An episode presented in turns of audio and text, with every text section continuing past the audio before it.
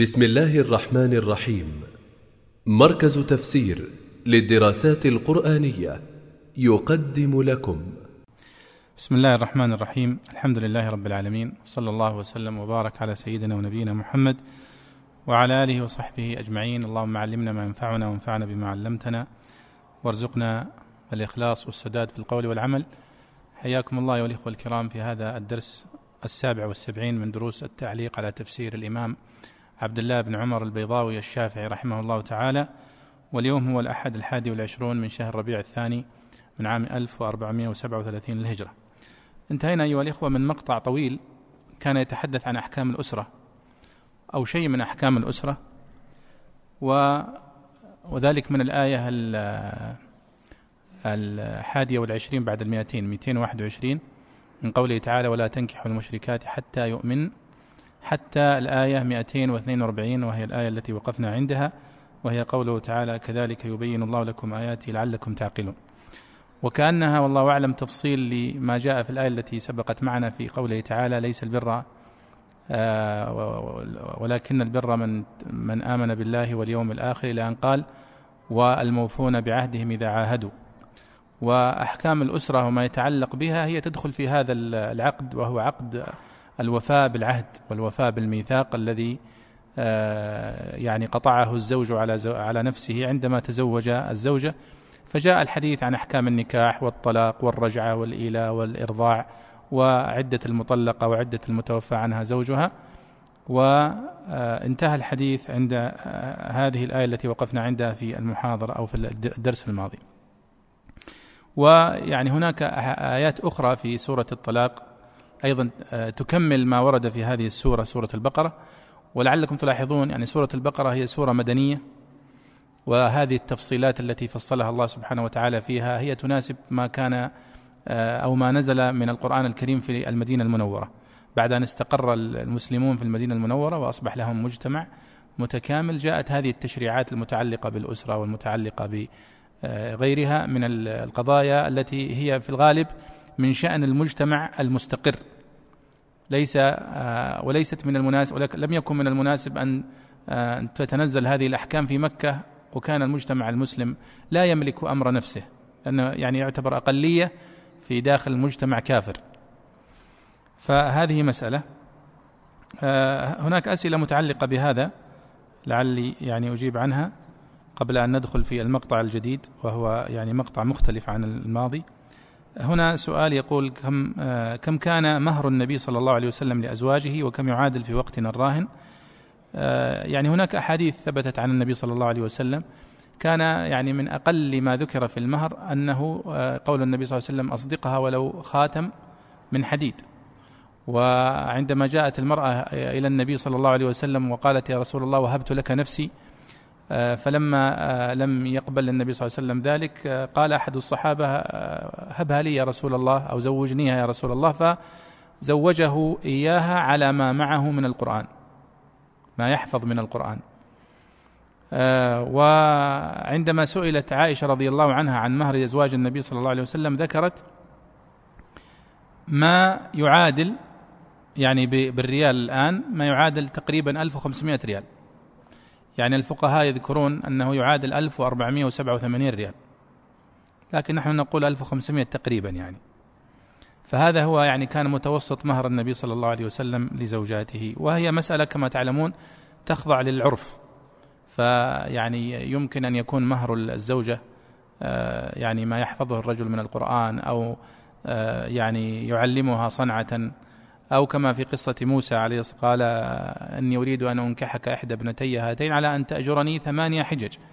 فاستنبط منها الفقهاء أنه يجوز أن يكون المهر عملا آه، يؤديه الزوج للزوجة أو لوليها. آه، وما فوق ذلك لا حد له. ولكن النبي صلى الله عليه وسلم قد حث على تقليل المهور. وذكر أن أكثرهن بركة وأيسرهن مهرا فهو الواجب والمتعين. أيضا هنا سؤال يقول هل من طلق زوجته ثم راجعها قبل انقضاء العدة تحسب له طلقة أم أن الطلقة تحتسب عند البينونة الصغرى؟ يعني يقصد أنها يعني هل إذا طلق زوجته ثم راجعها يبقى له ثلاث طلقات مرة أخرى ولا يبقى له طلقتان؟ فقط الصحيح أنه يراجعها على ما بقي له من آه، من تطليقات إما طلقتان أو أو واحدة. آه، طبعا يذكر المفسرون مناسبة هذا المقطع الذي مر عن آه، أحكام الأسرة بالمقطع الذي يأتي في قوله تعالى لم ترى إلى الذين خرجوا من ديارهم وهم ألوف حذر الموت فقال لهم الله موتوا ثم أحياهم. إن الله لذو فضل على الناس ولكن أكثر الناس لا يشكرون. ثم يتحدث عن آه، قصة من بني إسرائيل. قال قالوا كان الحديث هنا عن الأسرة وهي النواة الصغيرة التي تكون المجتمع. ثم جاء الحديث هنا عن الأمة. فناسب التدرج من الأصغر إلى الأعلى. نبدأ من قوله تعالى ألم ترى إلى الذين خرجوا؟ تفضل يا شيخ أحمد.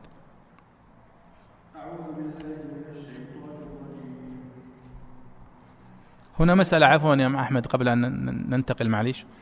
كنا وقفنا في الآية الماضية وهي يعني مسألة مهمة ونبه إليها. قوله تعالى والذين يتوفون منكم ويذرون أزواجا وصية لأزواجهم متاعا إلى الحول غير إخراج. فإن خرجنا فلا جناح عليكم فيما فعلن في أنفسهن من معروف. جمهور المفسرين ذكرنا كلامهم في المحاضرة الماضية وقلنا أنهم يرون أن هذه الآية منسوخة بالآية التي سبقتها وهي والذين يتوفون منكم ويذرون أزواجا يتربصن بأنفسهن أربعة أشهر وعشرة.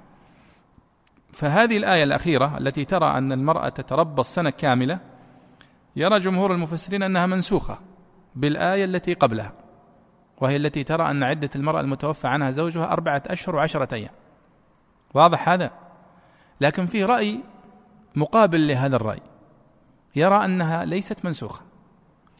يعني كان المحاضرة الماضية كان في نهاية المحاضرة الوقت ضيق وقد ذكر مجاهد بن جبر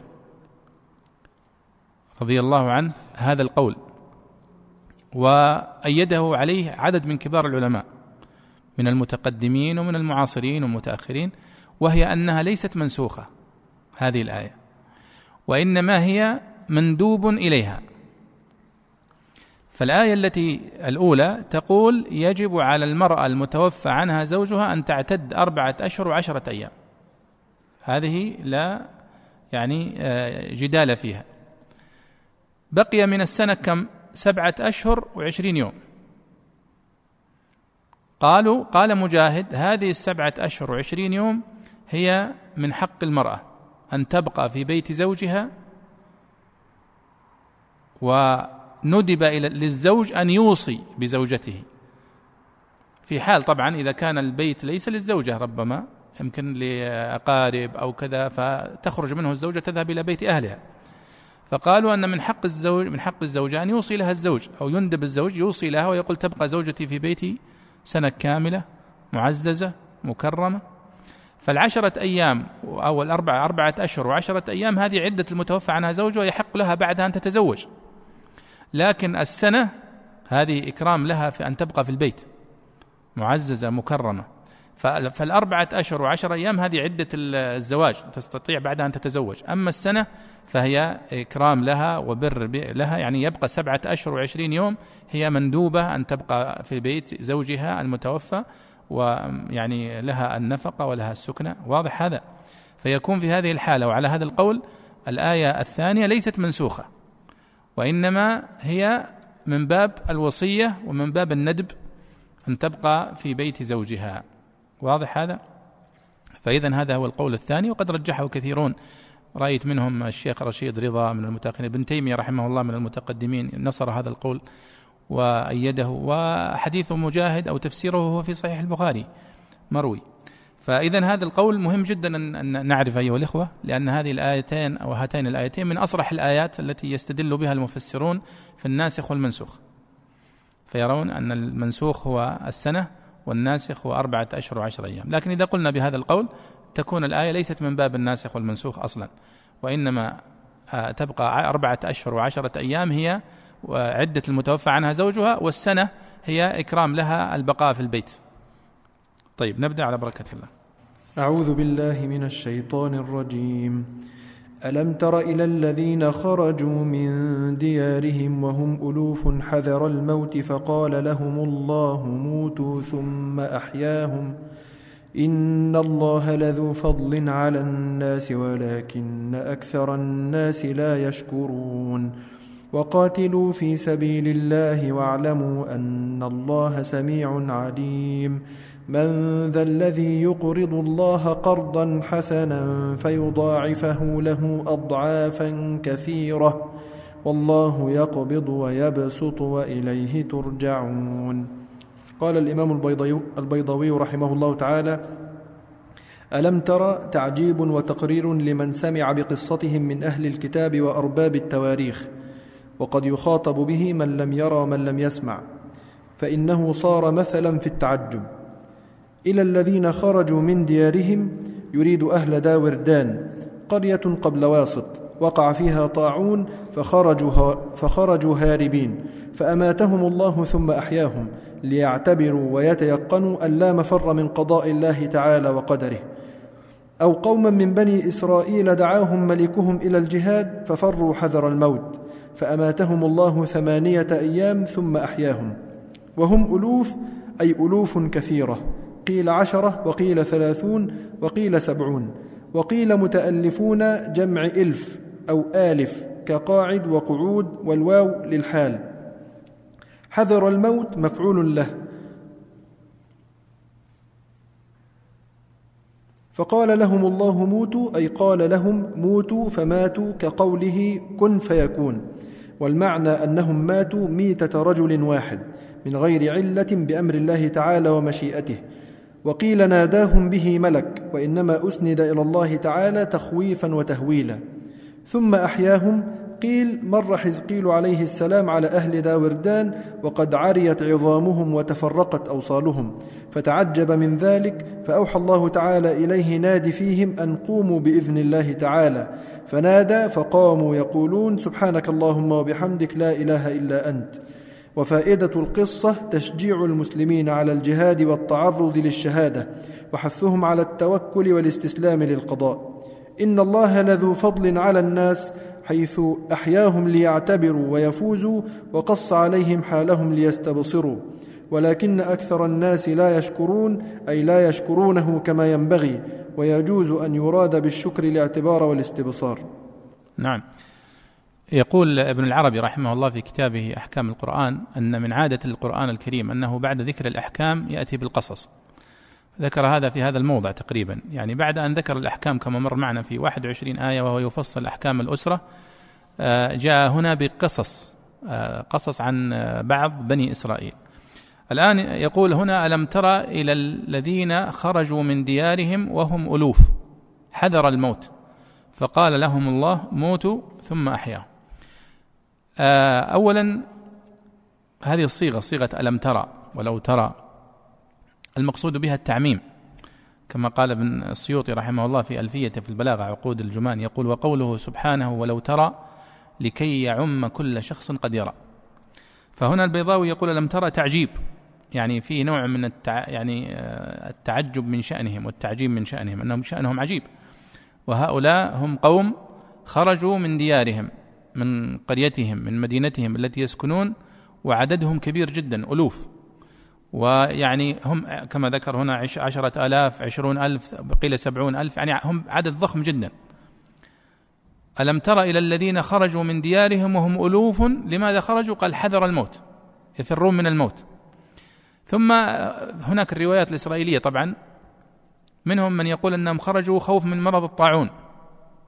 ومنهم من يقول أنهم خرجوا خوفا من عدو يعني داهمهم. فخرجوا هربوا من هذا العدو. والذي يظهر الله أعلم أن هذا هو الذي أولى للسياق الآيات التي ستأتي بعد ذلك في الحث على الجهاد ومقارعة الأعداء. يناسب هذا. فقال لهم الله موتوا يعني الله سبحانه وتعالى أماتهم بكلمة واحدة وهم ألوف. فهذا طبعا شأنهم شأن عجيب.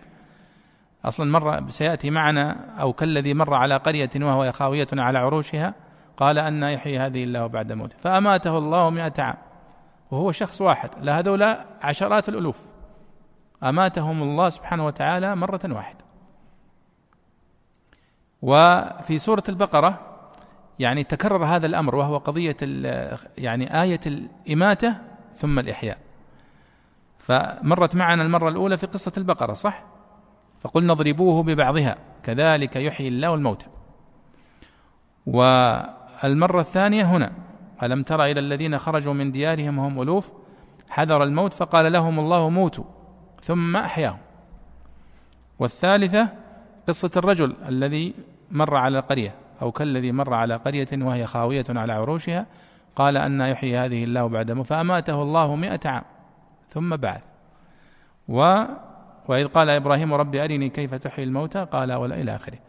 والله أعلم ما هو السر في تكرار هذه يعني القصص التي تدل على الإحياء بعد الإماتة في سورة البقرة.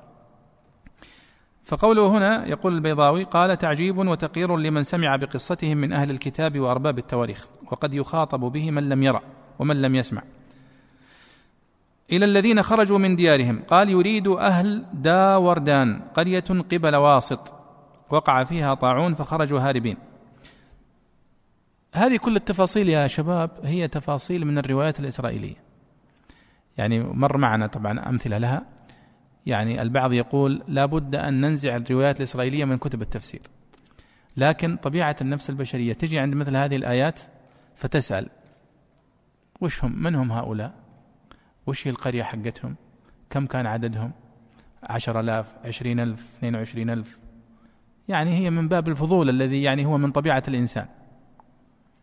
وإلا نحن فهمنا الآية بدون هذا التفاصيل. الله يقول ألم تر إلى الذين خرجوا من ديارهم؟ من هم؟ ما هو مهم ديارهم هذه وش هي؟ ما هو مهم ألم تر إلى الذين خرجوا من ديارهم وهم ألوف؟ هل هم عشرة واحد وعشرين؟ ما هو مهم حذر الموت. فقال لهم الله موتوا ثم أحياهم. فالعبرة من القصة متحققة. دون معرفة عددهم بدقة دون معرفة مكانهم بدقة دون معرفة من هم. هل هم من اليمن ولا من العراق ولا من مصر؟ ما تفرق. وهذا الشأن هو شأن معظم أو كل قصص القرآن الكريم تقريبا. الله سبحانه وتعالى يبهم كثيرا في القرآن الكريم. لم يذكر لنا الله سبحانه وتعالى من هو الذي كان ملك في عهد يوسف عليه السلام. ولم يذكر لنا اسم أم موسى عليه الصلاة والسلام ولم يتعرض ذكر أبو موسى ولا والد موسى في قصته كلها. ولم يتعرض لقصة أم يوسف في سورة ما ذكر لنا قصة أم يوسف ولا ظهرت في القصة أبدا. لكن القصة حققت هدفها دون ذكر هذه المبهمات. وهذا يعني تجدون هناك كتب في في علوم القرآن وأبواب أيضا في كتب علوم القرآن يسمونها المبهمات. والمقصود بها مثل هذه القضية. يجيك صاحب كتاب المبهمات ألم ترى إلى الذين خرجوا؟ قال هم بنو فلان. وهم من ديارهم ألم ترى الذين خرجوا من ديارهم؟ قال ديارهم هي داوردان قريبة من قرية واسط في العراق. فتحديد مثل هذه المواضع هذا هو ميدان الإسرائيليات هي مسألة تاريخية وإخبارية بحتة يعني. واضح هذا؟ طيب. آه قال قرية قبل واسط وقع فيها طاعون هذا القول فأماتهم الله ثم أحياهم. أو قوم من بني إسرائيل دعاهم ملكهم إلى الجهاد ففروا حذر الموت فأماتهم الله ثمانية أيام ثم أحياهم. ثمانية أيام هذه وحزقيل أنه حزقيل أو غيره هذه كلها تفاصيل موجودة في كتب الإسرائيليات. والمفسرون يتفاوتون في ذكر هذه التفاصيل أو عدمه. بعضهم لا يذكرها مطلقا وبعضهم يذكرها بتفاصيلها ورواياتها ويفصل فيها وبعضهم يختصرها زي البيضاوي هنا. ولذلك البيضاوي لاحظوا يريد أهل داوردان قرية قبل واسط قيل كذا وقيل كذا فهو يذكر هذه الروايات على سبيل يعني الاستطراد. قال وهم ألوف. واضح أن وهم ألوف يعني أنهم عدد كبير جدا. لكن في قول ضعيف وهم يعني متآلفين. وهذه لا علاقة لها أن يقول ألم ترى الذين خرجوا من ديارهم وهم متآلفين؟ يعني هذا لا, لا علاقة له بالقصة وإنما وهم ألوف إشارة إلى كثرتهم. ولذلك الزمخشري قال عند هذا الموضع قال ومن بدع التفاسير قولهم أن ألوف أي متآلفين. البيضاوي نقل هذا الكلام فقال أو قوم من بني إسرائيل عفوا وقيل متألفون أو جمع إلف أو آلف كقاعد دون أن يذكر أن هذا من بدع التفاسير. فهل معنى هذا أن البيضاوي يتبنى هذا القول؟ أو أنه وهو يختصر كلام الزمخشري أحيانا يخل في الاختصار؟ فالزمخشري أوردها لردها ويقول أنها من بدع التفاسير ومن الأخطاء التي فيه. وهذه عبارة كان يستخدمها الزمخشري وكان يستخدم الكرماني لفظة غرائب التفسير. يعني تفسيرات غريبة لا دليل عليها ولكن يذكرها من باب يعني يعني حتى يشمل كل ما قيل في الآية. لأن بعض الناس يقرأ في كتب التفسير فإذا لم يجد هذا القول يعني يبحث عنه ويسأل عنه لكن هذا المفسر يذكره له يقول أنا أعرف هذا القول لكنه قول ضعيف وباطل غريب ولذلك تلاحظون ابن الجوزي مثلا في كتابه زاد المسير هو من أفضل الكتب التفسير في ترتيب الأقوال. يعني يأتي وهم ألوف فيها قولان. القول الأول يعني عددهم بآلاف والقول الثاني أنهم متآلفين. قال به فلان وفلان. ومثله الماوردي في كتابه النكت والعيون أيضا هو يذكر الأقوال ويرتبها وينسبها. فينسب ما يعرف منها في البداية وأحيانا بعض الأقوال لا يعرف من هو الذي قالها. أقوال غريبة وشاذة وضعيفة فيقول وقيل كذا وقيل كذا ولا يذكر القائل به. قال حذر الموت. يعني واضح أنه فرار من الموت. فقال لهم الله موتوا ثم أحياهم. أي فقال لهم الله موتوا فماتوا ميتة واحدة. كما قال الله سبحانه إنما كان إنما قوله إذا أراد شيئا أن يقول له كن فيكون. هذا معنى فقال لهم الله موتوا ثم أحياهم. يعني قال لهم موتوا فماتوا مرة واحدة. ثم أحياهم كيف أحياهم؟ قيل أنه مر نبي من الأنبياء على عليهم وقد أصبحوا عظام. فيعني وقف مستغرب. فأوحى الله إليه أن نادي فيهم. فناداهم فقاموا. لا شك أنها آية عظيمة طبعا.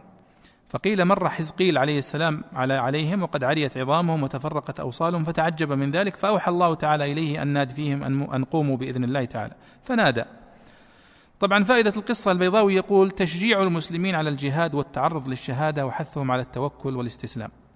ماذا يعني ذلك؟ يعني أن الإنسان لا يمكن أن يفر من قضاء الله وقدره. لماذا؟ لأن الإنسان إذا قيل له قاتل في سبيل الله يخاف. ويقول يعني هذا أمر يعني يعرض فيه الإنسان نفسه لل للموت. ويعني العمر مرة زي ما يقول بعض الناس يعني أنا أروح أعرض نفسي للتلف. فالإنسان بطبيعته يفر من هذا بطبيعته وسجيته أن الإنسان يفر من الموت. ولذلك ذكر الله سبحانه وتعالى وحتى في في الأشعار الجاهلية قضية الشجاع ممدوح والجبان مذموم. فلذلك يتميز الشجاع بين الناس. لأنه أقدر على مجابهة هذه مع أن الجميع أجلهم واحد. ولذلك يقول السموأل في قصيدته اللامية هي قصيدة جميلة يعني جديرة أن نحفظها. إذا المرء لم يدنس من اللؤم عرضه فكل رداء يرتديه جميل وإن هو لم يحمل على النفس ضيمها فليس إلى حسن الثناء سبيل. قصيدة جميلة جدا. من ضمن يعني أبياتها يقول تعيرنا أنا قليل عديدنا. فقلت لها إن الكرام قليل. وما قل من كانت بقاياه مثلنا. رجال تسامى للعلا وكهول. يقرب حب الموت آجالنا لنا. وتكرهه آجالكم فتطول. وإنا لقوم لا نرى الموت سبة إذا ما رأته عامر وسلول. فالشاهد قوله يقرب حب الموت آجالنا لنا وتكرهه آجالكم فتطول مع أن الأجل لا يتقدم ولا يتأخر لكنها مسألة نفسية ولذلك يقولون الجبان يموت ألف مرة والشجاع يموت مرة واحدة لأنها يعني الموت سيأتي مرة واحدة. في هذه القصة الله سبحانه وتعالى يذكر لنا أنهم خرجوا خوف من الموت فماتوا. ثم أحياهم الله حتى يقول لهم قاتلوا في سبيل الله. فإن هذا لا يقرب أجل ولا يبعد الأجل. وأن الموت إذا جاء سيأتيك ولو كنت في فراشك. ولذلك ذكر الله سبحانه وتعالى لم ترى الذين قيل لهم قاتلوا في سبيل الله؟ إلى أن قال سبحانه وتعالى آه نعم ولو كنتم في بروج مشيدة. أول الآية أينما تكونوا يدرككم الموت جاء بعدها قال أينما تكونوا يدرككم الموت ولو كنتم في بروج مشيد. وأيضا في قوله لم ترى الذين قالوا لإخوانهم وقعدوا لو أطاعونا ما ماتوا وما قتلوا؟ قل فادفعوا فادروا عن أنفسكم الموت إن كنتم صادقين. فيعني الإنسان يوهم نفسه الجبان يوهم نفسه أنه بجبنه وفراره أنه يطول أجله.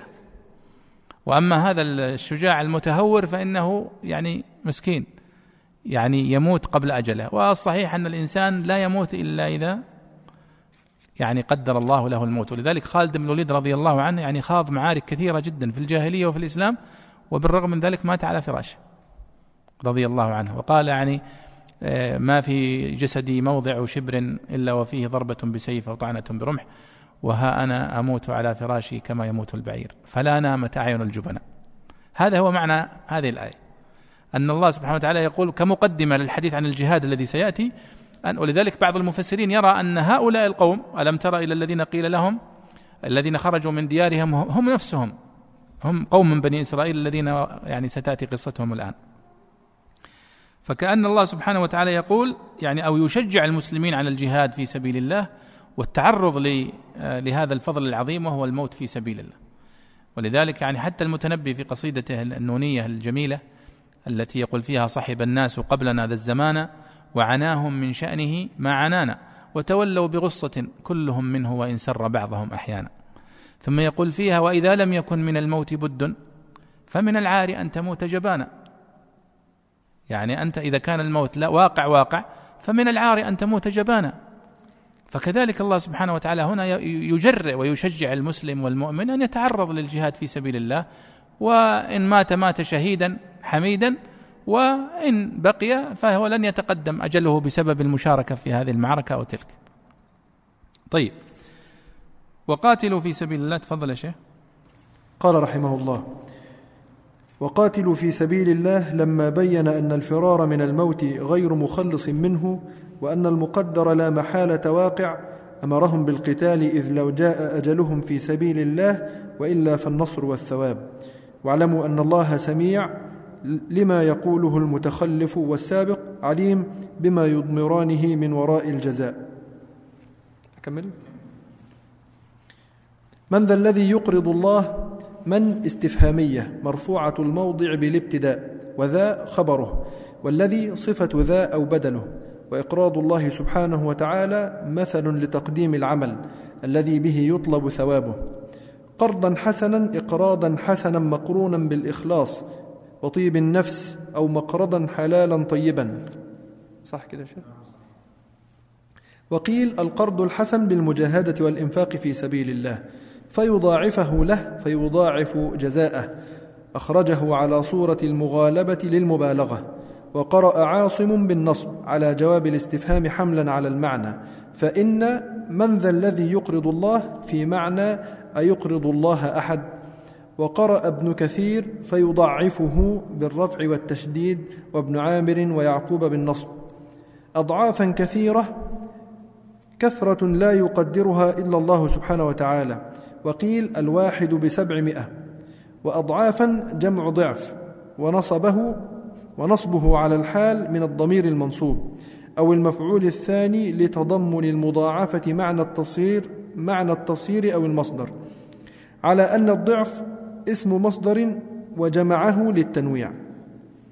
والله يقبض ويبسط يقتر على بعض ويوسع على بعض حسب ما اقتضت حكمته.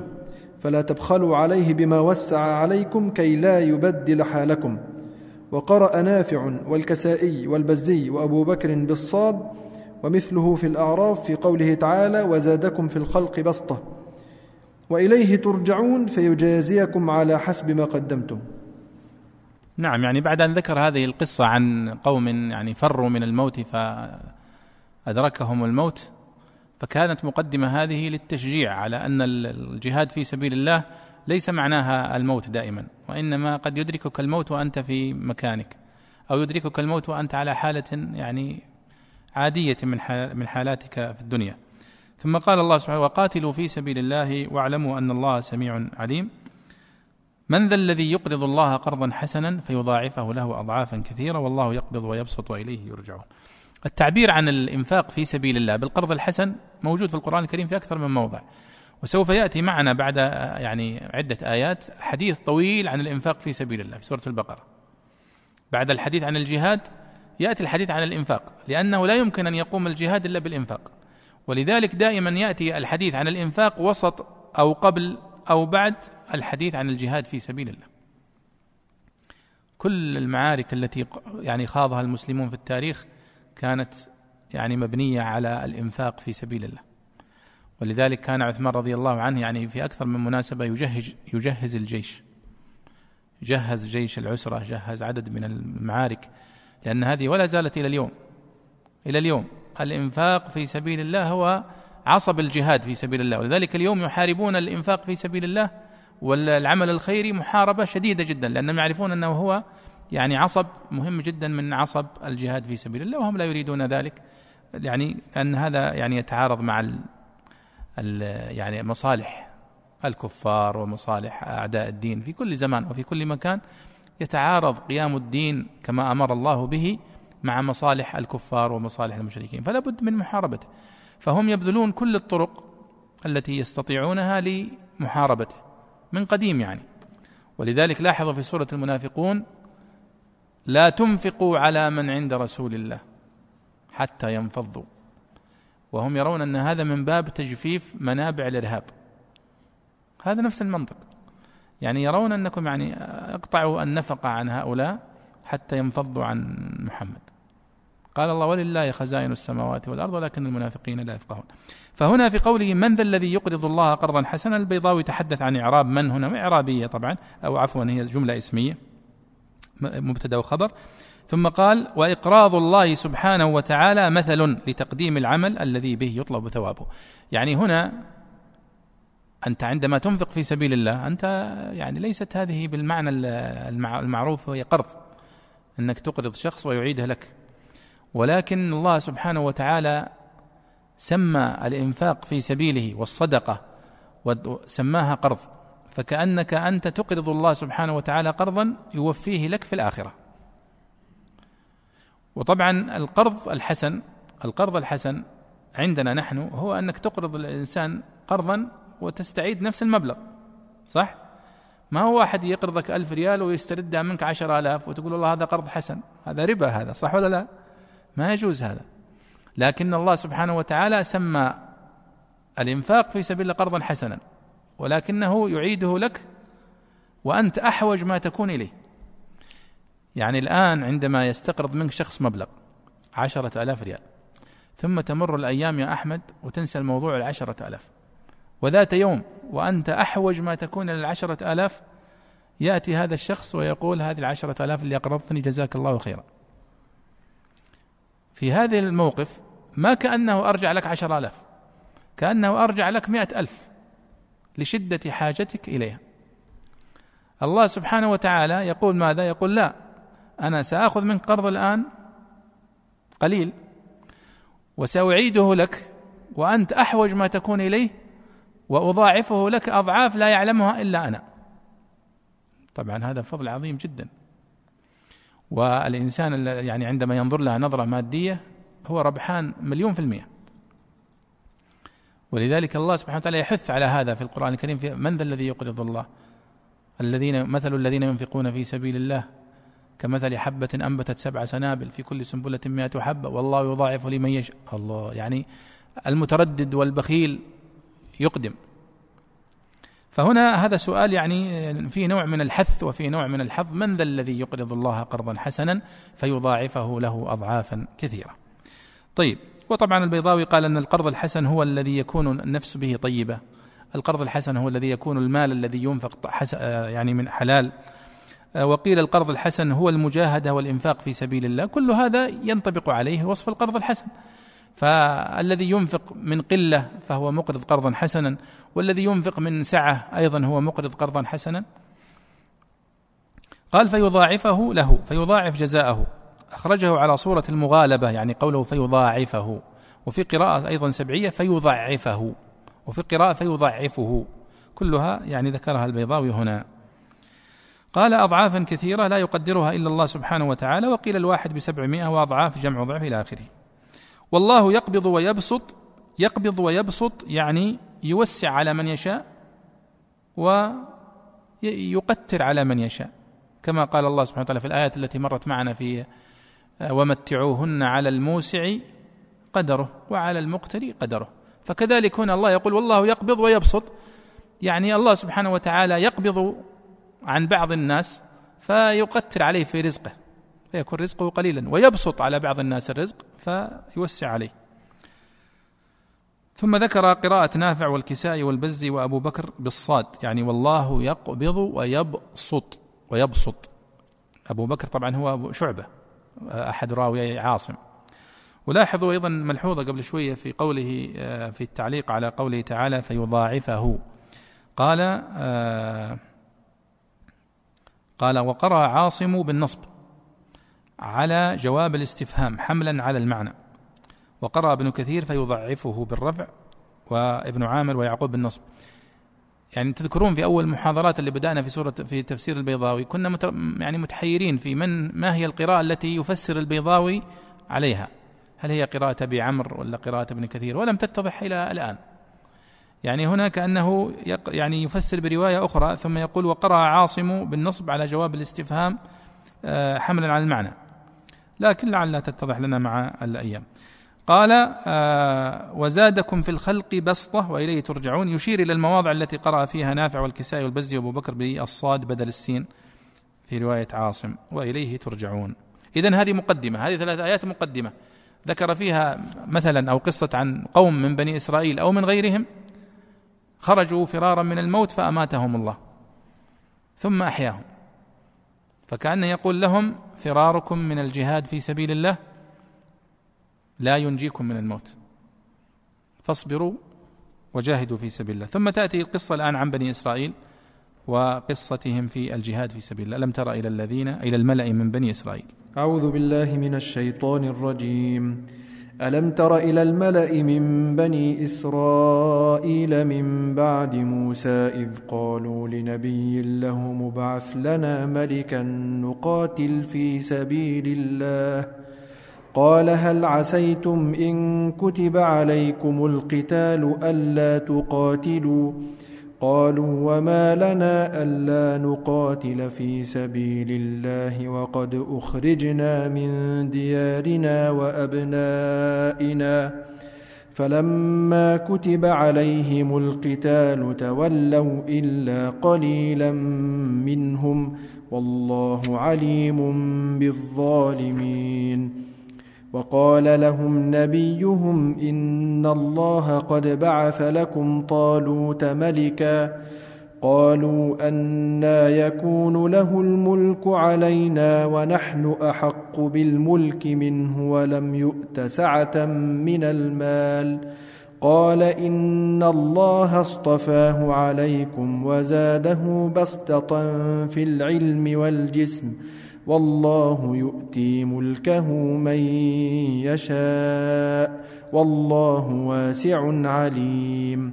وقال لهم نبيهم إن آية ملكه أن يأتيكم التابوت فيه سكينة أن يأتيكم التابوت فيه سكينة من ربكم وبقية وبقية مما ترك آل موسى وآل هارون تحمله الملائكة.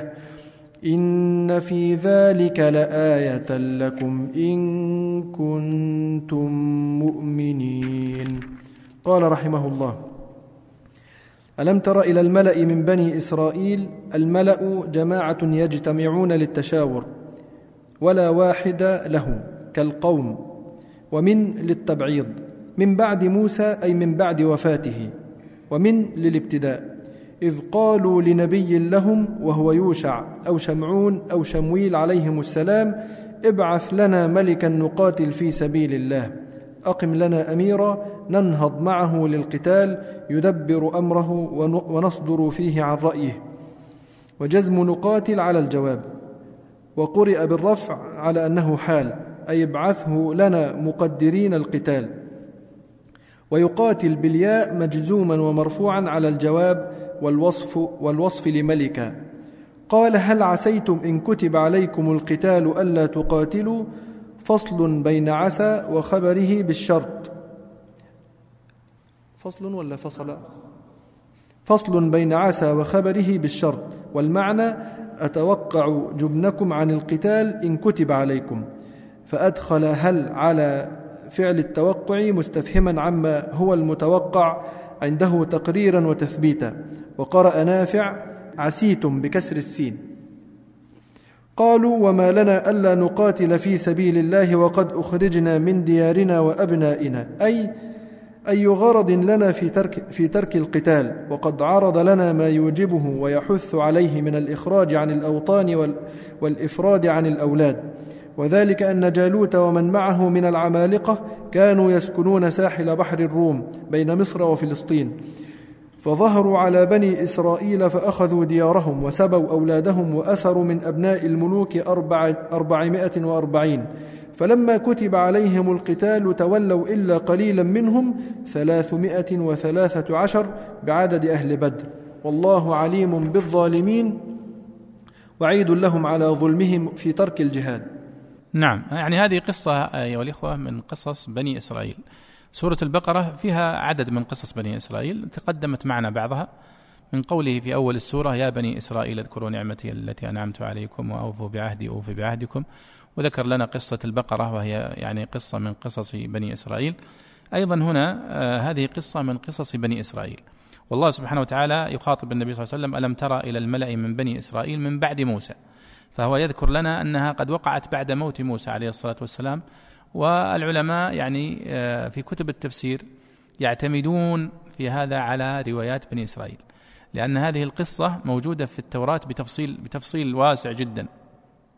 يذكرون فيها الأسماء والأشخاص وعدد الجيش والموقع والمو... وهكذا.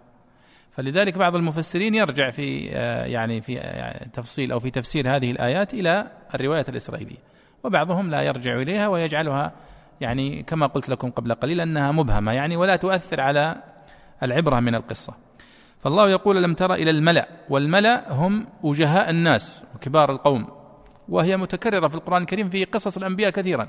وقال الملأ الذين كفروا من قومه الملأ الملأ الملأ.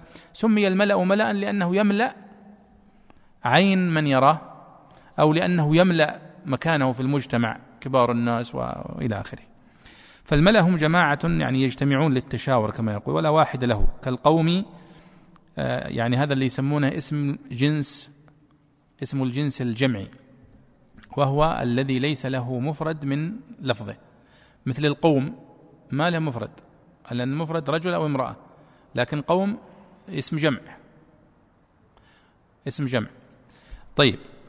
نعم هذا اسم جمع واسم الجنس الجمعي هو الذي يفرق بين جمعه ومفرده بالتاء. مثل تمر وتمرة وشجر وشجرة. هذا اسم جنس جمعي. أما اسم الجمع هو الذي ليس له مفرد من لفظه. فهنا الملأ اسم جمع لأنه ليس له مفرد من لفظه. قال من بعد موسى أي من بعد وفاته. يعني الذين يعني رأيتهم في كتب في شروح التوراة يذكرون أنه في عهد يسمونها عصر الملوك. يعني جاء عصر القضاة في في بني إسرائيل ثم جاء بعد عصر القضاة عصر الملوك. وبعضهم يقدره بألف ألف وعشرين ألف وثمانين قبل الميلاد. ألف وعشرين تقريبا قبل الميلاد.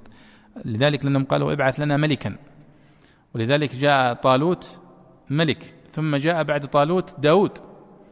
ثم جاء بعد داود سليمان ابنه. فكان عهد داود وعهد سليمان هو من أقوى ومن أزهى عهود بني إسرائيل. لأنهم أوتوا فيه قوة وملك عظيم. قبله كانوا تعرضوا للسبي وتعرضوا للتشريد في هذه المرحلة في هذه المرحلة. ولذلك لاحظوا حتى موسى عليه الصلاة والسلام لما خرج بقومه من مصر كانوا يعني تربوا على الذلة. فلما يعني كان موسى عليه الصلاة والسلام يريد أن يشجعهم ويخرجون من من مصر كانوا يترددون. بل إنهم يعني عاتبوه.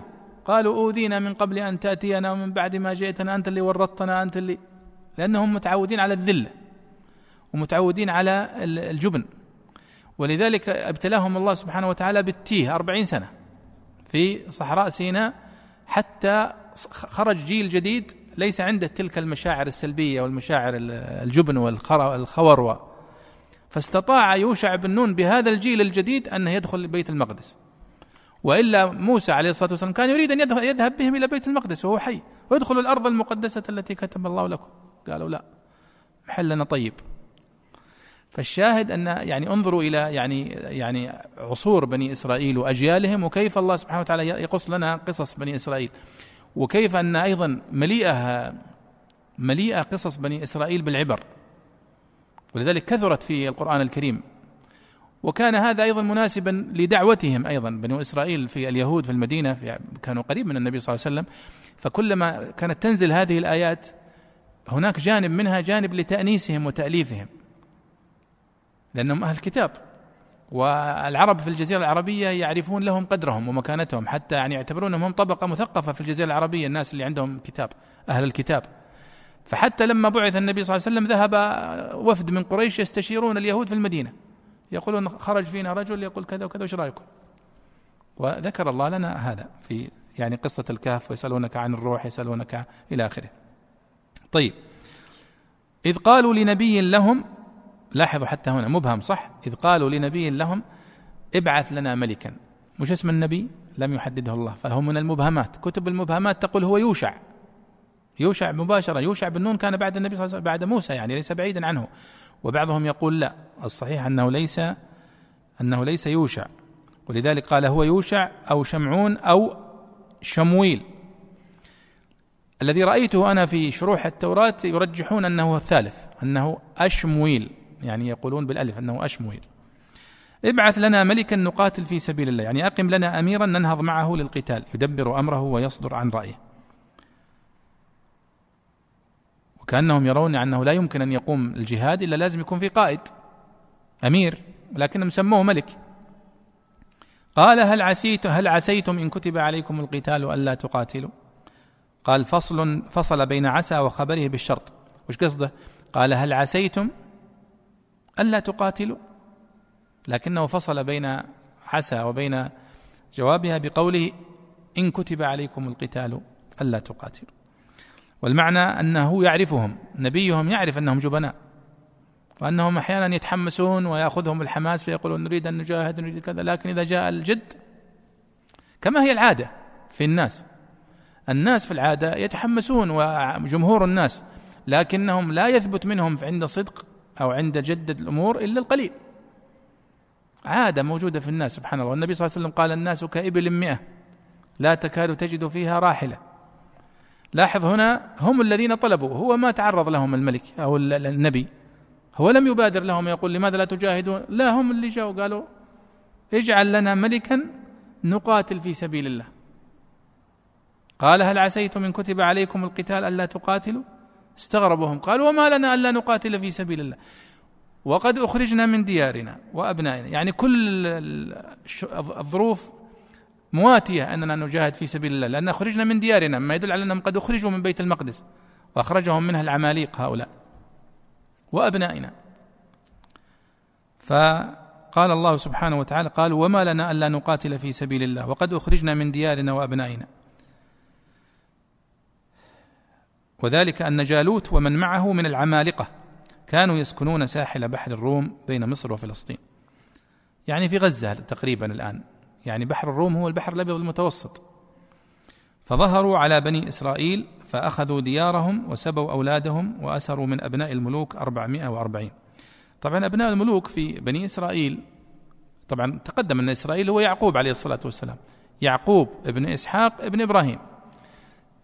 فأبناء إسرائيل أبناء يعقوب هم الأسباط. انتشروا وكثروا. فكان سبط من أسباط آه، يعقوب وهو سبط لاوي. كانت كان فيه النبوة. فموسى عليه الصلاة والسلام من هذا السبط. ومعظم أنبياء بني إسرائيل منهم. وسبط آخر أظنه سبط يهوذا كان فيه الملك. منهم داود ومنهم سليمان. فلما آه، هنا يقولون آه، سبى من أبناء الملوك يقصدون من أبناء بني إسرائيل الذين هم من آه، من هذا السبط سبط يهوذا تقريبا. فلما كتب عليهم القتال تولوا إلا قليلا منهم. يعني صدقت صدق توقع نبيهم. ولم يبق منهم إلا عدد 314 رجل. شوف يعني هم هم أكثر من ذلك. كما ثبت في حديث البراء بن عازب رضي الله عنه في البخاري أنه يقول يعني أخبرنا أصحاب النبي صلى الله عليه وسلم أنهم في يوم بدر كان عددهم كعدد أصحاب طالوت الذين ثبتوا معه ولم يثبت معه إلا مؤمن. والله سبحانه وتعالى ذكر لنا هنا تفاصيل. قال فلما كتب عليهم القتال تولوا إلا قليلا منهم والله عليم بالظالمين وقال لهم نبيهم اقرأ يا شيخ ولاحظوا هنا كيف التفصيل. يعني هنا تفاصيل في قصة بني إسرائيل في هذه القصة يفصل فيها. يعني على غير العادة. العادة في قصص بني إسرائيل تكون مختصرة جدا في القرآن الكريم. قال رحمه الله وقال لهم نبيهم إن الله قد بعث لكم طالوت ملكا طالوت علم عبري كداود وجعله فعلوتا من الطول تعسف يدفعه منع صرفه. روي أن نبيهم صلى الله عليه وسلم لما دعا الله أن يملكهم أتى بعصا يقاس بها من يملك عليهم فلم يساوها إلا طالوت. قالوا أن يكون له الملك علينا. من أين يكون له ذلك ويستأهل؟ ونحن أحق بالملك منه ولم يؤت سعة من المال. والحال أنا أحق بالملك منه وراثة ومكنة.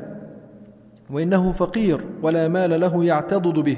وإنما قالوا ذلك لأن طالوت كان فقيرا راعيا أو سقاء أو دباغا من أولاد بنيامين ولم تكن فيهم النبوة والملك وإنما كانت النبوة في أولاد لاوي ابن يعقوب والملك في أولاد يهوذا وكان فيهم من السبطين خلق.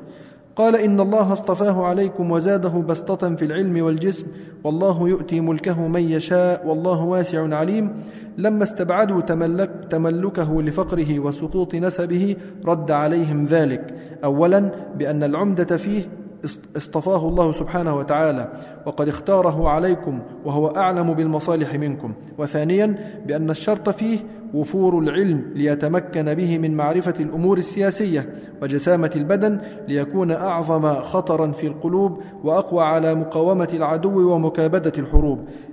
لا ما ذكرتم وقد زاده, وقد زاده الله فيهما وكان الرجل القائم يمد يده فينال رأسه. وثالثا بأن الله تعالى مالك الملك على الإطلاق فله أن يؤتيه من يشاء.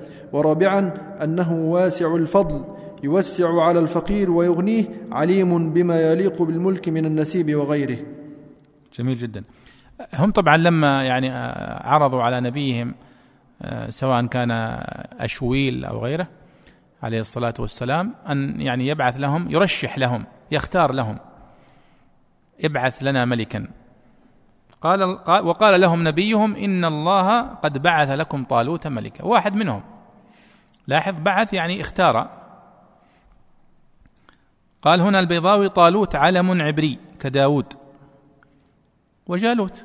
مثل جالوت طالوت وجالوت. وجالوت ليس اسم عبري وإنما هو اسم من أسماء العماليق لكنه اسم كان منتشر في تلك المنطقة. طالوت وجالوت و آه يعني لكن هنا طبعا المفسرون يتحدثون دائما عن اشتقاق طالوت وعن جالوت هل هي عربية؟ فنبحث لها عن اشتقاق. أم هي أعجمية أصلا فلا فلا نبحث لها عن اشتقاق. هنا يقول طالوت علم عبري كداود يعني من حيث الوزن وجعله فعلوتا من الطول تعسف يدفعه منع صرفه. طبعا هذا كلام الكشاف للزمخشري. مختصرا يعني البحث عن صرف اسم أعجمي خطأ لأن الاسم الأعجمي آه، اشتقاقه يعني ليس له اشتقاق عربي حتى نبحث له عن وزن. وإنما هو ممنوع من الصرف للعجم للعجمة ولأنه علم. وبعضهم يرى أنه طالوت من الطول ولكن هذا غير صحيح. وروي أن نبيهم صلى الله عليه وسلم لما دعا الله أن يملكهم أتى بعصا يقاس بها من يملك إلى آخره. طبعا هذه رواية إسرائيلية ذكرت فيها. قالوا أن يكون له الملك علينا. هذه تذكرنا بقصتهم مع البقرة. نفس الطبيعة صح؟ طيب أنت الآن تقولون ابعث لنا ملكا نقاتل في سبيل الله وفوضتوني أني أختار لكم صح؟ طيب خلاص أنا أرشح فلان. قالوا لا هذا ما يصلح. طيب ليش ما جبتوا أنتم من البداية واحد مقترح من عندكم؟ ما يدل على طبيعة التلكؤ عن الاستجابة لأوامر الله سبحانه وتعالى في بني إسرائيل شيء راسخ فيهم. وهذول الوجهاء والصلحاء منهم اللي جاءوا إليه مبادرين أنهم يريدون يجاهدون في سبيل الله هذول اللي فيهم الخير. وانظر ماذا يصنعون. قالوا أن يكون له الملك علينا. ونحن أحق بالملك منه. كذا بس. ونحن أحق بالملك منه ولم يؤت سعة من المال. فهم ذكروا يعني العلة الثانية أنه ليس لديه مال كما هي جرت العادة في الملوك. قالوا أن يكون له الملك علينا يعني يستبعدون ذلك ونحن أحق بالملك. والحال أن أحق بالملك منه وراثة ومكنة وإنه فقير لا مال له يعتضد به. وإنما قالوا ذلك لأن طالوت كان فقيرا راعيا سقاء أو دباغا من أولاد بنيامين. يعني بنيامين اللي هو أخو يوسف عليه الصلاة والسلام من ذريته ولم تكن فيهم النبوة والملك. وإنما كانت النبوة في أولاد لاوي ابن يعقوب وهو الذي منهم هارون ومنهم منهم موسى عليه الصلاة والسلام والملك في أولاد يهوذا. قال إن الله اصطفاه عليكم. وزاده بسطة في العلم والجسم والله يؤتي ملكه من يشاء. فذكر الله سبحانه وتعالى هنا أن الأمر أمره سبحانه وتعالى هو الذي يصطفي من يشاء. ليست المسألة متعلقة بالمال وليست متعلقة بالجنس وإنما هي متعلقة بالصفات التي يتصف بها الإنسان. قال إن الله اصطفاه عليكم وزاده بسطة في العلم والجسم. وهذه مقومات القائد الناجح في مثل هذا في الجيش.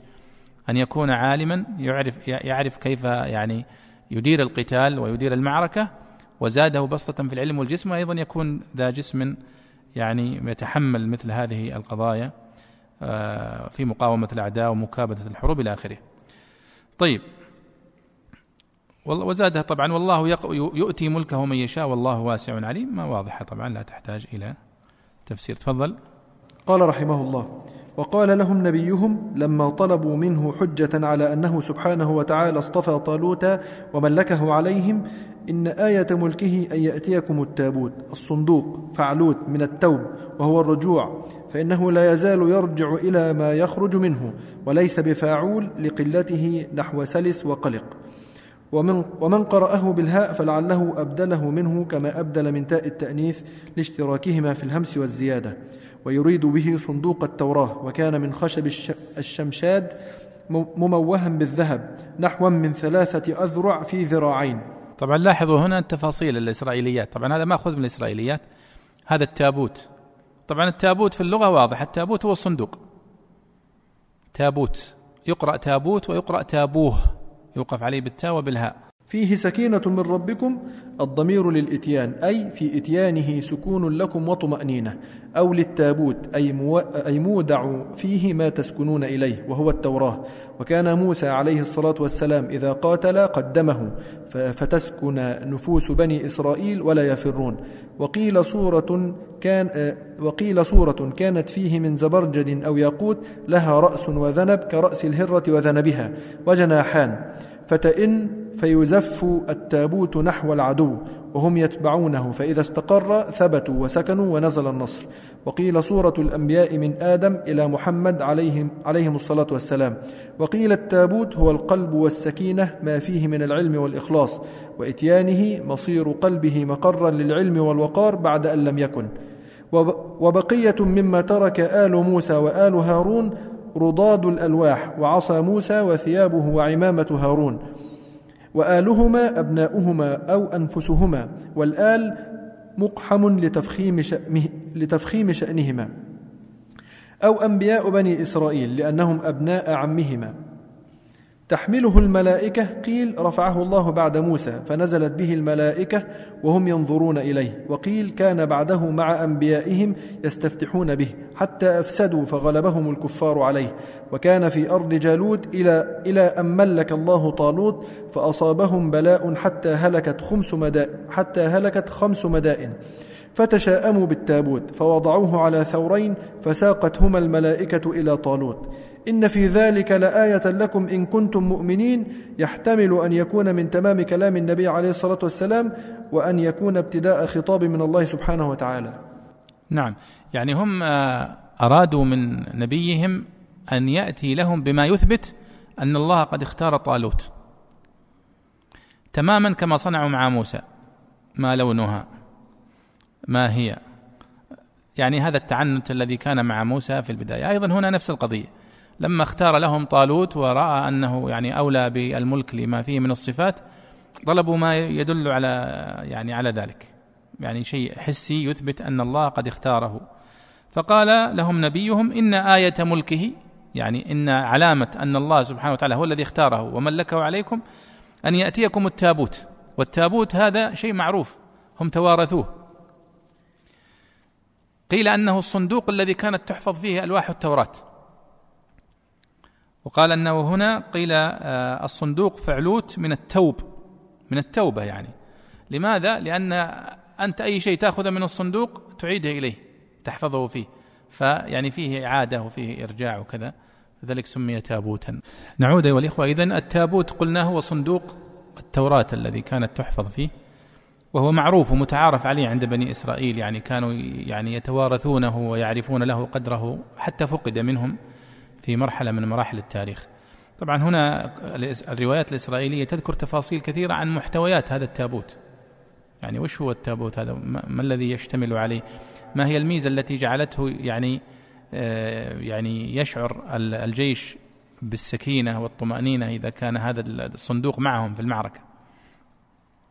طبعا تحدثوا عن تفاصيل كثيرة أنه كان فيه قطعة من التوراة بعضهم يذكر أنه كان فيه عصا موسى والتي كانت عصا موسى أنها كانت موجودة في هذا التابوت فهي لا شك أنها تشعرهم بآثار يعني نبيهم موسى عليه الصلاة والسلام كأنه معهم. ولذلك قال الله سبحانه وتعالى قال إن آية ملكه أن يأتيكم التابوت فيه سكينة من ربكم وبقية مما ترك آل موسى وآل هارون تحمله الملائكة. فالضمير يعني فيه سكينة يعني في هذا التابوت الذي سوف يأتيكم. آه، سكينة من ربكم. طبعا هنا التفاصيل في هذا التابوت وما الذي فيه وهل هو يمشي بمفرده أم لا بد لهم إلى آخره. هذه كلها من الإسرائيليات. لكن يهمني في آخرها قولهم وقيل التابوت هو القلب والسكينة ما فيه من العلم والإخلاص وإتيانه مصير قلبه مقرا للعلم والوقار بعد أن لم يكن. هذا نموذج من تفاسير الصوفية المجنحة الباطلة المردودة اللي ما لا علاقة في التفسير. يعني هنا الحديث هنا عن تابوت حقيقي صندوق حقيقي يحملونه معهم في المعركة. وهذا يقول لي المقصود بالتابوت هو القلب يعني فهذا كلام يعني لا قيمة له. أحيانا يكون التفسير الصوفي أو الإشاري له وجه وأحيانا يكون بعيد لا علاقة له بالآية كما في هذه كما في هذه الآية. قال وبقية مما ترك آل موسى وآل هارون. يعني فيه سكينة وفيه أشياء مادية أشياء مادية. بقية مما ترك آل موسى وآل هارون. بقية قيل هنا رضاض الألواح الألواح التي كانت مع موسى عليه الصلاة والسلام كتب فيها التوراة أن بقيت بقايا منها. يعني رضاض الألواح أشبه ما يكون كما تقول نشارة الخشب. قال وعصى موسى وثيابه وعمامة هارون وآلهما أبناؤهما. ولا شك أن هذه الآثار التي يذكرونها مثل عصا موسى على سبيل المثال تعتبر هي من أعظم ما ينبغي أن يحرص عليه بنو إسرائيل بعد موسى عليه الصلاة والسلام. فلا يستغرب أن تكون هي التي كانت في هذا التابوت مع بعض الأشياء الأخرى. وتحمله الملائكة يعني واضح أن الملائكة هي التي جاءت به وهذا كله آه، علامة من علامات نبوة نبيهم هذا عليه الصلاة والسلام ودلالة من دلالات صدقه. وأيضا دليل على أن بني إسرائيل كانوا كثاف الطبع. لا يؤمنون إلا بالمعجزات الحسية حتى الصالحون منهم. فهؤلاء الصالحون هم الذين جاءوا إلى نبيهم يطلبون يعني أن يعين لهم ملك ليقاتلوا في سبيل الله. وبالرغم من ذلك لما اختار لهم ترددوا وطلبوا معجزة حسية. فلما جاءت هذا الصندوق والملائكة اقتنعوا. قوم يعني أمة محمد صلى الله عليه وسلم يعني كانوا يتبعون النبي صلى الله عليه وسلم بمقاية التصديق والإخبات والانقياد. والمعجزات التي جاء بها النبي صلى الله عليه وسلم معجزة القرآن الكريم هي المعجزة الكبرى للنبي صلى الله عليه وسلم. صحيح أنه كان هناك معجزات حسية في حياته عليه الصلاة والسلام لكنها لم تكن مطلوبة وإنما كانت فضل من الله سبحانه وتعالى كتكاثر الطعام بين يديه ونبوع الماء بين أصابعه ونحو ذلك والشجرة التي جاءت سلمت عليه ونحو ذلك. أما أنهم هم طلبوا منه معجزة إلا ما طلبه المشركون في مكة من شق القمر ثم لم يؤمنوا به. وهذا يعني يجعلنا نقارن بين أمة محمد صلى الله عليه وسلم وفضلها وبين الأمم السابقة وما كانوا فيه من التردد ومن التلكع عن طاعة أنبيائهم عليهم الصلاة والسلام. آه ثم قال في آخر الآية إن في ذلك الآية لكم إن كنتم مؤمنين. يحتمل أن يكون هذا من كلام نبيهم ويحتمل أن يكون من كلام الله سبحانه وتعالى تعقيبا على هذه القصة. أيوه لعلنا نكمل القصة. فلما فصل طالوت أعوذ بالله من الشيطان الرجيم. فلما فصل طالوت بالجنود قال إن الله مبتليكم بنهر فمن شرب منه فليس مني ومن لم يطعمه فإنه مني إلا من اغترف غرفة بيده.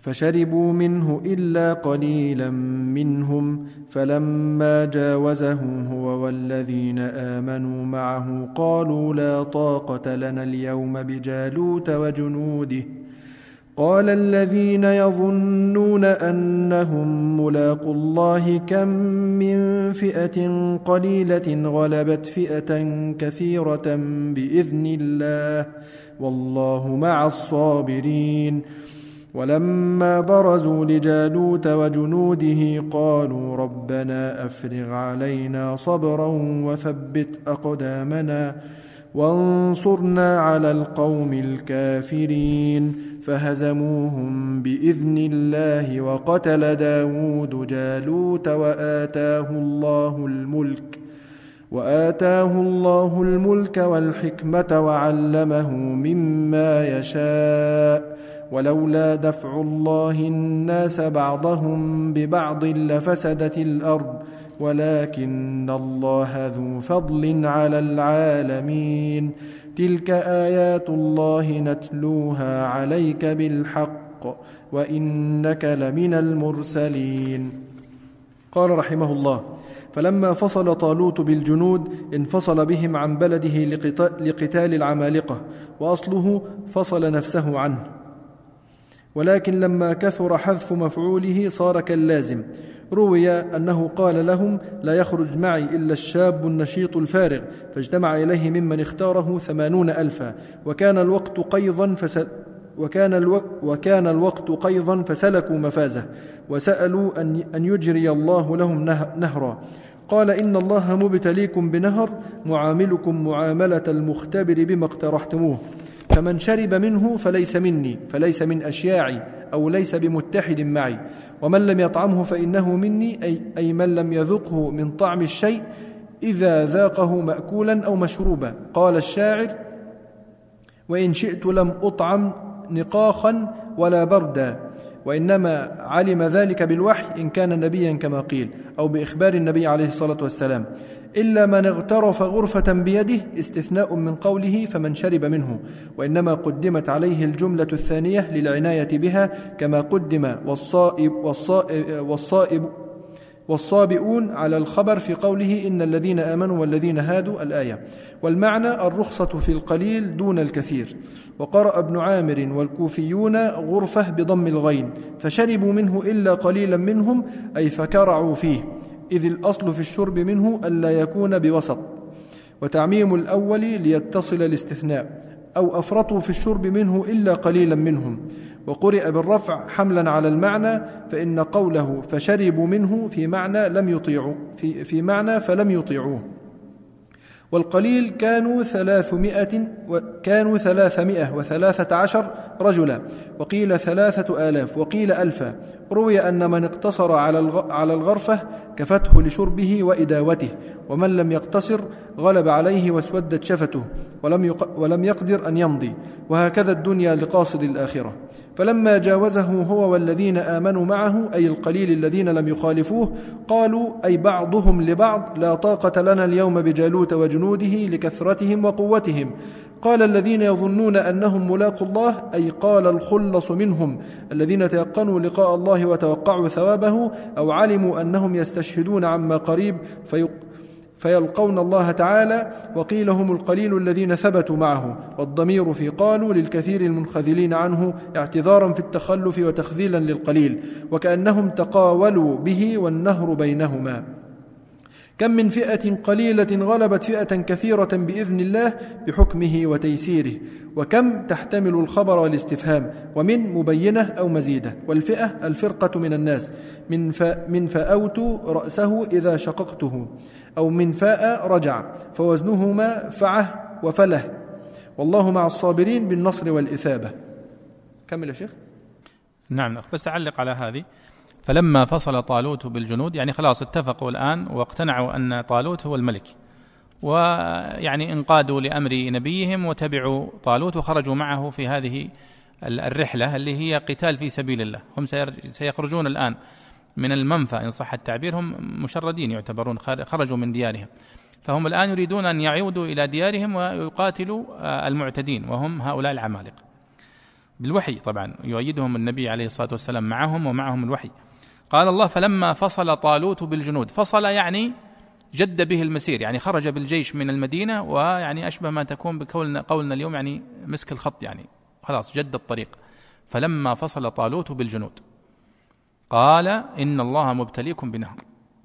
لاحظوا الآن الابتلاءات يعني كأنهم حتى هؤلاء بعد ما استجابوا ما زالوا غير لا يمكن أن تخاض بهم معركة.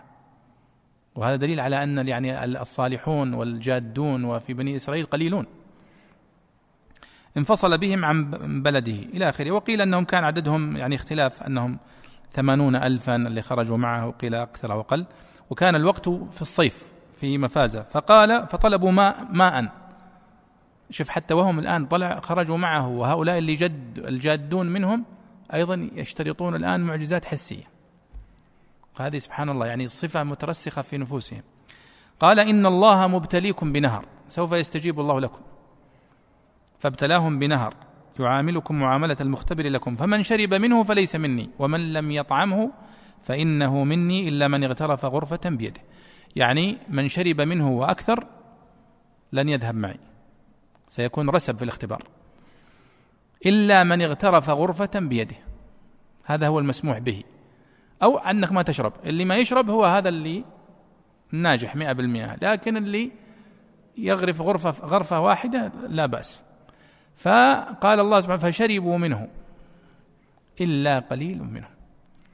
يعني هذول اللي هم اللي سوف يواصل معه المسير هم القليل والقليل هم الذين كانوا 314 ولذلك يقول البيضاوي تعليق جميل أن من اقتصر على الغرفة الواحدة نجا ومن شرب وأكثر فشل.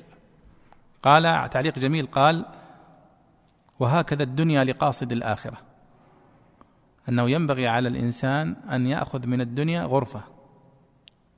ستكفيك. وأما الذي سوف يعب ويشرب ويستكثر فإنها سوف تتلفه كما حصل في هذا الموقف. لما شافوا هذا يعني شوف بعد 314 الآن نجوا قالوا شوف فيهم من يخذل أيضا. قالوا لا طاقة لنا اليوم بجالوت وجنوده. هذول الصفوة. لكن فيهم أيضا صفوة الصفوة. قال الذين يظنون أنهم ملاقوا الله كم من فئة قليلة. غلبت فئة كثيرة بإذن الله والله مع الصابرين. هؤلاء اللي ثبتوهم يقولون كم من فئة؟ يعني يا كثر الفئات المعارك التي خاضتها فئة قليلة فنصرهم الله سبحانه وتعالى على الفئة الكثيرة. فثبتوا ويعني نصرهم الله. طيب ولما برزوا لجالوت قال رحمه الله ولما برزوا لجالوت وجنوده أي ظهروا لهم ودنوا منهم قالوا ربنا أفرغ علينا صبرا وثبت أقدامنا وانصرنا على القوم الكافرين. التجأوا إلى الله سبحانه وتعالى بالدعاء وفيه ترتيب بليغ إذ سألوا أولا إفراغ الصبر في قلوبهم الذي هو ملاك الأمر ثم ثبات القدم في مضاحد الحرب المسبب, المسبب عنه ثم النصر على العدو المترتب عليهما. غالبا. غالب. طيب لاحظوا هنا أيضا هذه البلاغة فيها ولما برزوا لجالوت وجنوده. يعني الآن دخلوا المعركة وخاضوها. أصبحوا الآن وجها لوجه. هنا أنت قد بذلت الأسباب استعديت وبعدين كان في مراحل اختبارات كثيرة. يعني اختبار قدرات. مروا أول شيء بالاختبار الأول الأمر الثاني النهر.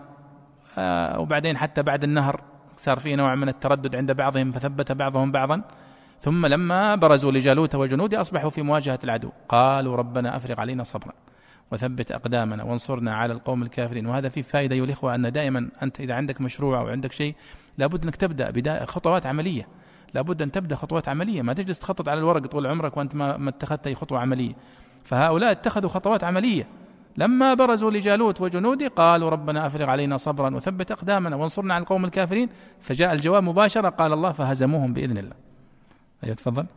قال رحمه الله فهزموهم بإذن الله فكسروهم بنصره أو مصاحبين لنصره إياهم إجابة لدعائهم وقتل داود جالوت قيل إن إيشا في عسكر طالوت قيل كان إيشا في عسكر طالوت معه ستة من بنيه وكان داود سابعهم وكان صغيرا يرعى الغنم فأوحى الله إلى نبيهم أن الذي يقتل أنه الذي يقتل جالوت فطلبه من أبيه فجاء وقد كلمه في الطريق ثلاثة أحجار وقالت له إنك بنا تقتل جالوت فحملها في مخلاته ورماه بها فقتله ثم زوجه طالوت بنته.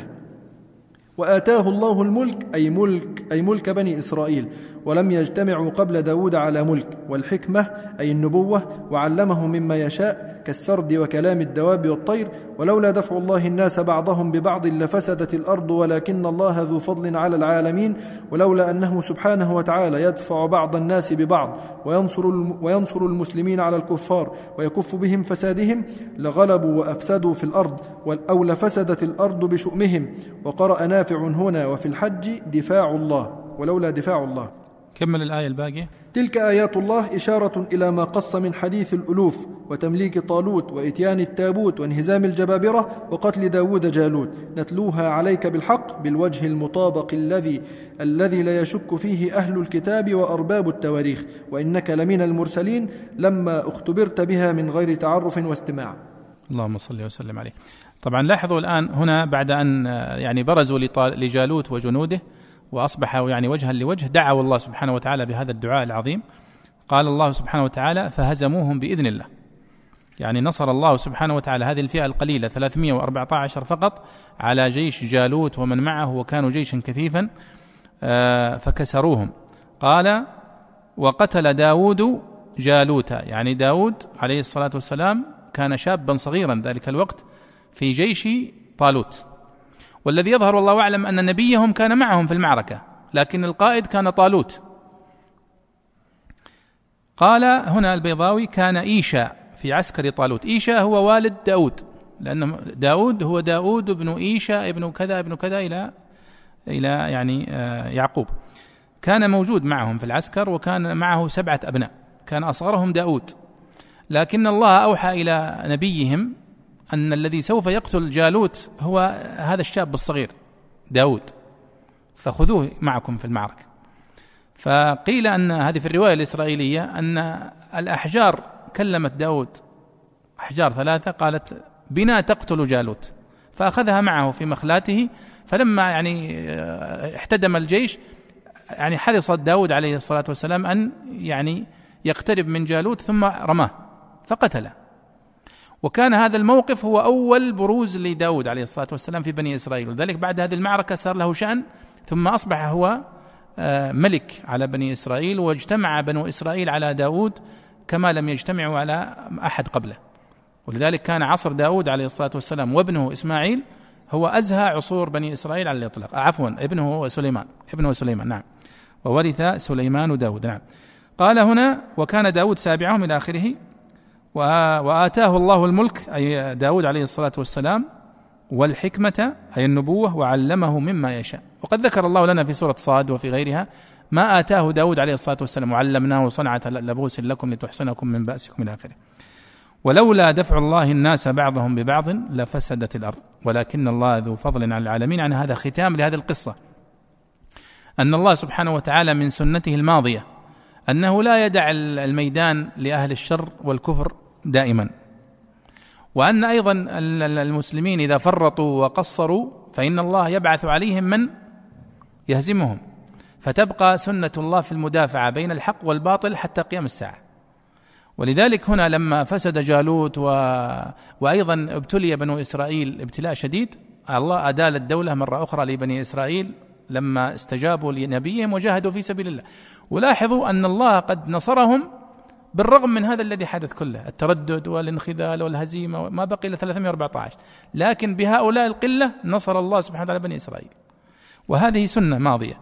قال الله ولولا دفع الله الناس بعضهم ببعض وقرأ نافع هنا وفي سورة الحج ولولا دفاع الله الناس بعضهم ببعض لفسدت الأرض. تلك آيات الله نتلوها عليك بالحق وإنك لمن المرسلين. هذا خطاب للنبي صلى الله عليه وسلم. يا محمد هذه القصص التي نقصها عليك لتثبيتك ولكي تعلم أن الذي يجري عليك من الإخراج من الديار ومن الحرب أنه قد جرى على من كان قبلك وأن الذين يستجيبون لك على قلتهم سوف ينصرك الله بهم. كما أنه نصر هؤلاء بهؤلاء القلة الذين اتبعوه. سنة ماضية. هذا يعني ما تيسر في هذا الدرس ولعلنا بس نجيب على السؤال قبل أن نختم. يقول هنا آه، القائلين بأن الحول غير آية الحول غير منسوخة. هل يقصدون بأن الحول يندب للرجل بوصية به بعد العدة أي زيادة عليها أو معها؟ لا هي مع العدة. يعني يصبح العدد أربعة أشهر وعشر أيام زائد سبعة أشهر وعشرين يوم. تصبح المجموع سنة كاملة. وصلى الله وسلم على سيدنا ونبينا محمد وعلى آله وصحبه أجمعين. مع تحيات مركز تفسير للدراسات القرآنية. مركز تفسير. مركز تفسير. الريادة في تطوير الدراسات القرآنية.